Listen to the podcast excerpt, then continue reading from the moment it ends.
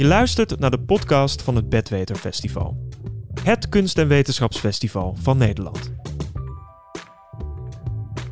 Als je aan een gemiddelde TBS-patiënt denkt, dan denk je waarschijnlijk aan een man. Dat is niet zo vreemd, want slechts 7% van hen is vrouw. En toch loont het om die groep te onderzoeken, vindt forensisch psycholoog Vivienne de Vogel. Wat weten we over de motieven achter gewelddadig gedrag door vrouwen? En welke verschillen zijn er met mannelijke daders? Welkom iedereen voor dit gesprek met uh, forensisch psycholoog Vivienne de Vogel van de Hogeschool Utrecht. Um, TBS, de meeste mensen hebben er wel een idee van, maar leg nog even uit, wat is nou het verschil tussen iemand die gewoon in de mhm. gevangenis belandt en iemand die in TBS belandt? De TBS belandt, ja. Of forensische zorg, zoals we het ook wel uh, noemen. Het belangrijke verschil is dat de mensen die in de TBS komen, die hebben een ernstig delict gepleegd, waar een lange gevangenisstraf op staat, dus levensdelicten, zedendelicten. Maar hebben ook een ernstige psychische stoornis, die in relatie staat tot het delict. Dus ze zijn verminderd toerekeningsvatbaar voor wat ze hebben gedaan. En er is vaak een hoge kans op recidive. En dan kun je de TBS-maatregel opgelegd krijgen. Okay, dus het dus, zijn mensen die behandeling krijgen. Vaak hebben ze ook al eerder gevangenisstraf gekregen. Dus gaan ze eerst naar de gevangenis en daarna komen ze in de TBS-kliniek. En dan is ook het idee dus blijkbaar van, van eerst ja, straf. Ja. En daarna ook, ook vanwege die recidive, dus kans op herhaling van, van het, het, het plegen van een misdrijf. Ga, ga je naar de TBS om dat, ja, je daarvoor te laten behandelen om die kans te verlagen. Het doel van de TBS is het beveiligen van de maatschappij. Dat doe je door mensen uit die maatschappij te halen, maar op termijn door die risicofactoren aan te pakken, beschermende factoren op te bouwen, waardoor zij weer op een verantwoorde manier terug kunnen de maatschappij. En dat is het doel. Dat is wel interessant. Dus het, het, doel is ook niet zozeer het behandelen van de patiënt. In zeker, of, ja, ik bedoel, maar het is, het is nou ja, voor je, de maatschappij. Er is vaak veel aan de hand met de mensen die bij ons komen. En je kunt ze niet genezen, zeg maar. Mhm. Het gaat erom dat zij weer op een veilige, verantwoorde manier terug kunnen in de maatschappij. Dus dat de belangrijkste risicofactoren zijn aangepakt. Ja. En dat het kan zijn een stoornis, maar dat, kan, dat kunnen ook allerlei andere factoren zijn. Ja. ja. Oké. Ehm, nu is de overgrote meerderheid van de TBS-patiënten is man. Um, ik ben wel benieuwd, wat dreef jou er ooit toe om juist naar die die, die, ja, die minderheid, die 7% op dit moment is het. En dat is ook nog een beetje gegroeid. Daar komen we, komen we later misschien nog wel even op. Ehm, om, om juist die vrouwelijke TBS-patiënten te onderzoeken. Ja, ja, want je zei net, ik doe al tien jaar onderzoek, maar eigenlijk al langer. Want ik werk inmiddels 25 jaar in de Van de Hoeven Kliniek hier in uh, Utrecht.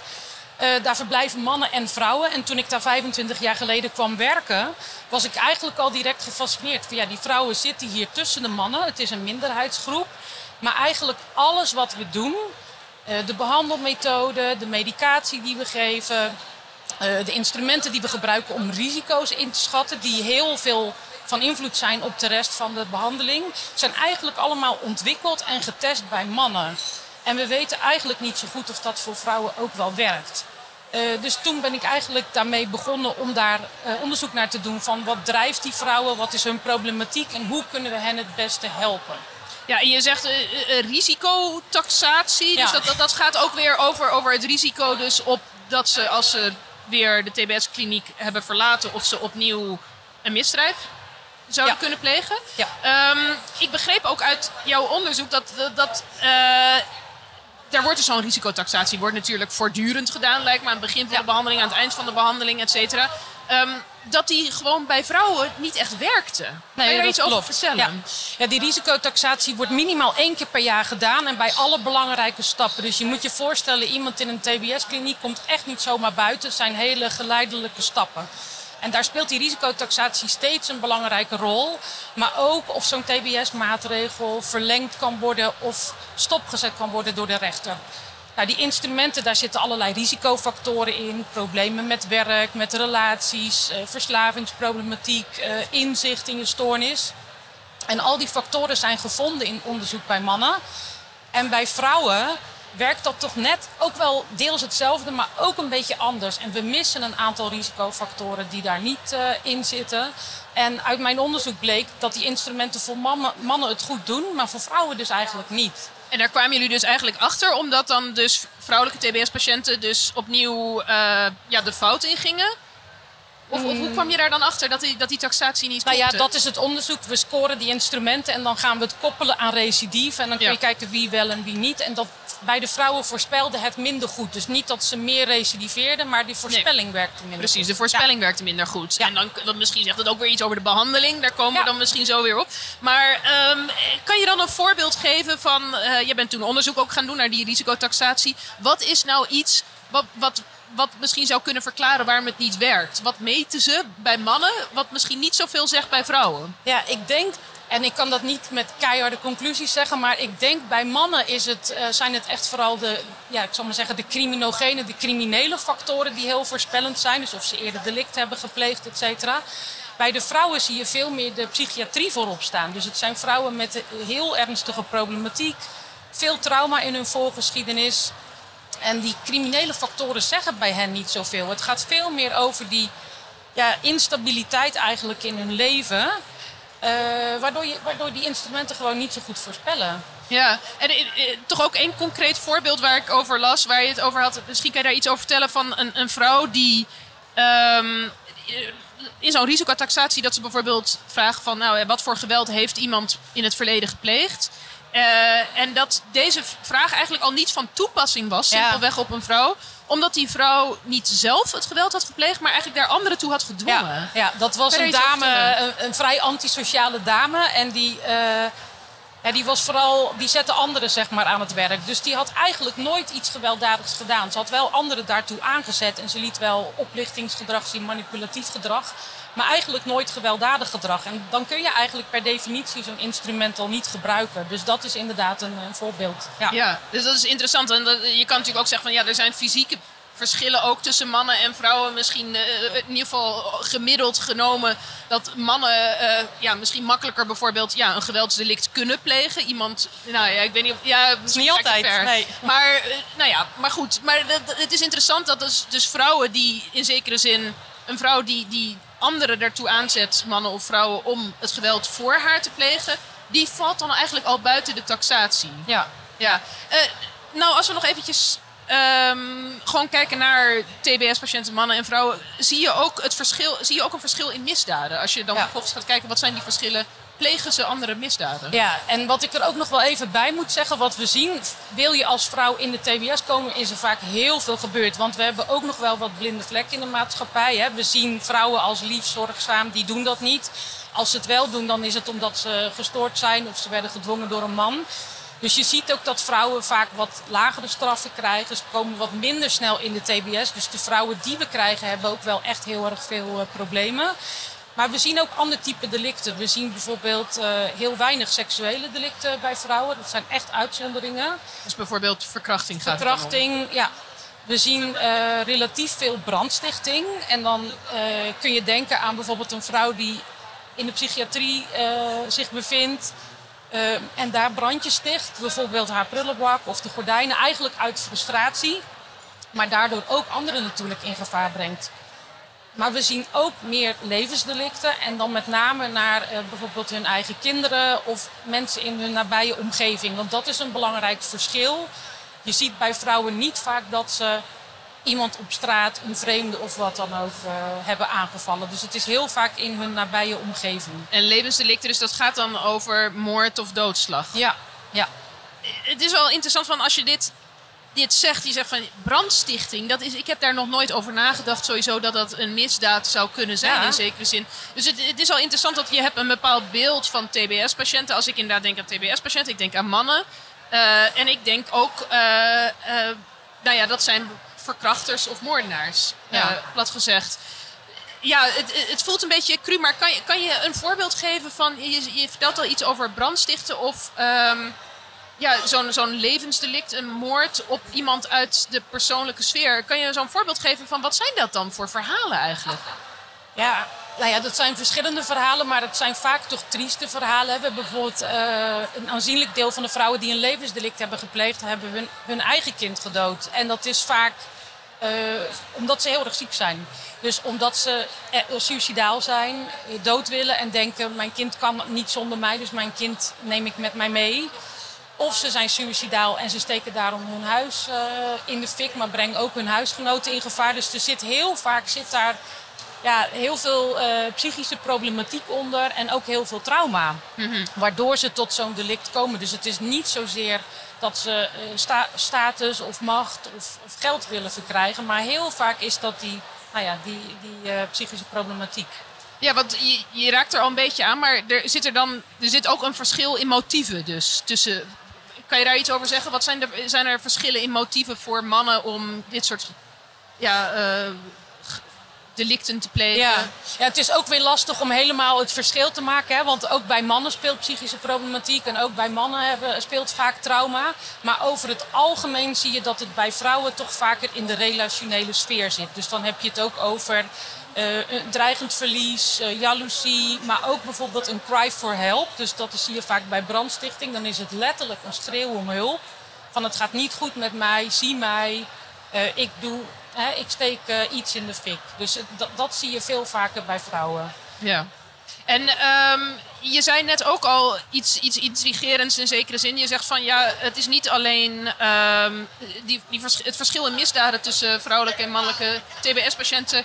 Is niet alleen omdat mannen en vrouwen verschillende misdaden plegen, maar ook omdat ze verschillend gezien worden in zekere ja, zin. Ja, ja. Kan je daar iets over vertellen? Dus, dus, vrouwen belanden die bijvoorbeeld makkelijker of moeilijker juist in TBS? Of, of, ja. Nou ja, kijk, als, als mannen iets doen, als je op straat bijvoorbeeld uh, overlast veroorzaakt, dan, dan wordt er toch bij een man vaak gedacht: oh, dat uh, is antisociaal, of die, die stellen zich wat onverschillig op, die worden met de politie zeg maar meegenomen. Bij een vrouw wordt er gedacht: oh, dan moet iets niet goed zijn met haar. Die gaat eerder naar de psychiatrie. Dus dat zien we over het algemeen zien we dat ontstaan. En je ziet dat ook wel in de bestraffing. Dus vrouwen krijgen over het algemeen wat lagere straffen. Dus mm -hmm. daarom zei ik, wil je als vrouw in de TBS komen, is er vaak al heel veel aan vooraf gegaan. Uh, veel hebben ook al een lange behandelgeschiedenis gehad. Dus zijn vaak eerder opgenomen geweest in de reguliere zorg, geestelijke gezondheidszorg. Alleen is dat steeds mislukt omdat ze wegliepen of incidenten veroorzaakten of wat dan ook. Ja, maar zeg je dan eigenlijk van, is het dan zo dat ook de aanloop, dus de voorgeschiedenis, het is vaker zo dat vrouwen die in de TBS belanden, die hebben misschien eerst heel veel geestelijke problemen en dan op een gegeven moment komt er dat ernstige delict bij, waardoor ze in de TBS belanden. Terwijl het misschien bij mannen eerder is, eerder misschien een lange misdaadcarrière en dan op een gegeven moment, ja, hoe zit dat dan? Ja, dat is moeilijk te zeggen. Het is denk ik vooral de reactie ook vanuit de maatschappij op mannen en vrouwen. En uiteindelijk wat er dan met hen gebeurt, waar ze terechtkomen. Daar zitten denk ik nog wel blinde vlekken. Want je zegt dus eigenlijk in zekere zin, ja, vrouwen die, die, die, daar wordt het meer gezien als sneller gezien als van er is iets psychisch mis eigenlijk als je een misdaad pleegt. Ja. Is het dan dus omgekeerd ook zo dat bijvoorbeeld mannen minder makkelijk inderdaad naar de TBS worden verwezen, omdat er wordt gezegd van ja, nou ja, het lijkt misschien wel zo alsof er zit een ander motief achter. Dat ja, dat minder. Dat, dat vind ik lastig te zeggen, want daar heb ik geen cijfers over. Maar ik moet ook nog even denken aan die stereotypen die spelen. Die spelen voor de vrouw als dader, maar die spelen bijvoorbeeld ook voor de man als slachtoffer. Hè? We vinden het ook in de maatschappij moeilijk om een man als slachtoffer te zien. Dus ja, daar zitten gewoon nog bepaalde stereotype gedachtenvormingen die we, die we eigenlijk allemaal hebben. Ja, en die dus ook resulteren ja, in verschil in behandeling ja. in zekere zin. Um, nu, nu ben je dus, ja, je bent dat onderzoek begonnen omdat je benieuwd was naar die verschillen. En onder andere ook naar, ja, we kunnen dus bijvoorbeeld slecht voorspellen of, of, vrouwelijke TBS'ers opnieuw een, een, uh, een misdaad gaan plegen. Um, maar zijn er nou ook andere gevolgen in zekere zin voor hoe vrouwelijke TBS-patiënten worden behandeld? Bijvoorbeeld um, van het feit dat, ja, dat ze niet gezien werden tot nu toe. Of dat die behandelingen op mannen waren ja, gericht. Nou ja, dat, dat sowieso, een voorbeeld wat ik net noemde was ook al medicatie. Het meeste onderzoek naar het effect van medicatie is gedaan bij mannen. Dus we weten niet zo goed hoe dat bij vrouwen werkt. Maar het is ook zo, kijk, in principe ga je iedereen als individu behandelen. Je kijkt wat is er met deze persoon, ongeacht gender, wat is er aan de hand en hoe moet je die persoon zo goed mogelijk behandelen. Alleen vrouwen vormen een minderheid. En het is zo dat we in Nederland niet een aparte kliniek voor vrouwen hebben. Dus vrouwen en mannen zijn gemengd. Maar vrouwen vormen wel altijd een minderheid. Dus je kunt je ook voorstellen in zo'n kliniek. Uh, daar kunnen relaties ontstaan of daar kunnen uh, dingen gebeuren. Dus je moet daar veel meer oog voor hebben. Hoe ga je daarmee om en wat doe je als er iets misgaat? Maar ook hele praktische zaken. Uh, hoe zorg je voor de seksenspecifieke gezondheidsaspecten bijvoorbeeld? Hè? Of voor, uh, zijn er hygiëneproducten voor vrouwen te koop? Al dat soort praktische dingen spelen daar ook in mee. Maar ja, het is eigenlijk veelomvattend. Ja, en je zegt ook van, ehm, eerder had je er ook over van, ja, het is vaak bij vrouwelijke TBS-patiënten dat er een trauma ja. uh, aan vooraf gaat. Is het dan zo, kan je ook stellen van, zijn er nou vrouwelijke TBS-patiënten dan in zekere zin vaker eerst slachtoffer voordat ze dader worden? Of je ziet, bij mannen? Je ziet eigenlijk sowieso bij heel veel patiënten die bij ons komen trauma. Alleen wat we zien bijvoorbeeld in de jeugd, emotionele verwaarlozing of fysieke mishandeling komt eigenlijk even vaak voor bij vrouwen en mannen. Maar seksueel misbruik komt ook bij mannen. Een kwart van de mannen bij ons heeft daarmee te maken gehad. Maar bij vrouwen is dat twee keer zo vaak. En we zien bij vrouwen vaker verschillende vormen van slachtofferschap. En het gaat ook langer door. Dus het is complexer en het is een langduriger patroon. En we zien bij mannen een relatie tussen bijvoorbeeld mishandeld zijn in de jeugd en later een antisociale persoonlijkheidsstoornis ontwikkelen. Dus die gaan dan externaliseren, die richten hun agressie naar anderen. Bij vrouwen zie je een relatie tussen seksueel misbruik en een borderline persoonlijkheidsstoornis ontwikkelen. En dat richt zich veel meer naar zichzelf. Dus ze zijn ook heel erg destructief naar zichzelf, zelfbeschadigend gedrag.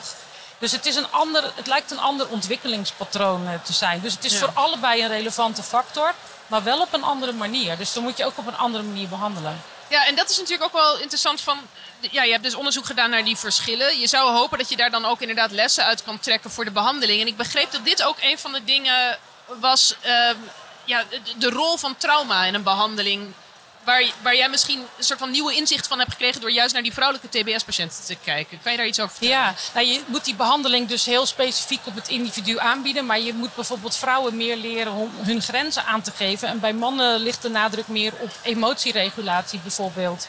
Maar traumabehandeling is niet alleen... Emotieregulatie, je bedoelt... Met, hoe ga je met emoties om als je uh, boos wordt of wat dan ook? Hoe kun je jezelf beheersen? Mm maar het gaat niet alleen om psychotherapie, maar eigenlijk moet de hele omgeving. Uh, ik weet niet of mensen naar de serie in de TBS hebben gekeken. Daar zit ook een vrouw. Als je het niet hebt gezien, het is echt een aanrader, want het geeft een heel uh, waarheidsgetrouw beeld hoe het er in het echt aan toe gaat. Maar daar zit bijvoorbeeld ook een vrouw in, Samira. Ehm, heel veel trauma meegemaakt. Maar je ziet ook eigenlijk dat zij continu getriggerd wordt eigenlijk. Dus die ehm, die, die reacties komen steeds weer naar boven. En ze kan alleen maar met boosheid reageren. Of naar zichzelf of naar anderen, zeg maar. Dus je moet dat trauma snel aanpakken eigenlijk, al vroeg in de behandeling. Maar je moet je ook steeds van bewust zijn eigenlijk op ieder niveau dat dat trauma zo'n belangrijke rol speelt. En dat is misschien iets waar, waar, waar, eerder, voordat er naar, nou ja, dat, waar eerder misschien minder aandacht voor was, voor die rol van trauma? Omdat je misschien bij mannen inderdaad minder. Bij mannen is het minder zichtbaar, ja. Maar een ander voorbeeld is ook de rol van kinderen. Eh, de vrouwen die eh, bij ons zitten die een kind hebben, die willen heel graag weer voor hun kind zorgen. Nou, vaak kunnen ze nauwelijks voor zichzelf zorgen. Dus of ze dat ooit kunnen, is maar de vraag. Is een hele belangrijke factor voor hen. Dat kan het voor mannen natuurlijk ook zijn als zij kinderen hebben. Alleen weten we uit onderzoek dat bij vaders vaker die kinderen al uit beeld zijn.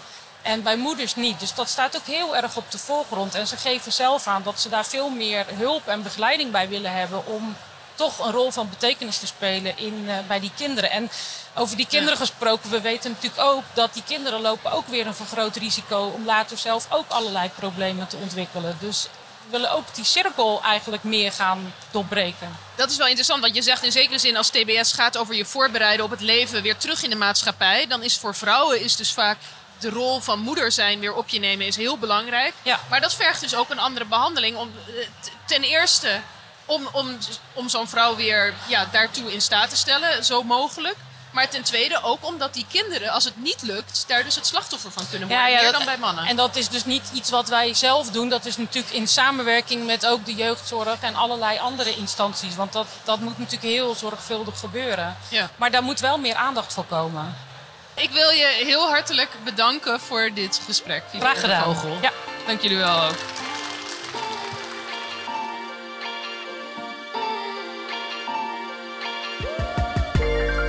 Je hoorde een aflevering van de podcast van Studium Generale. Benieuwd naar meer afleveringen? Ga naar sg.uu.nl/podcast of abonneer je op je favoriete platform.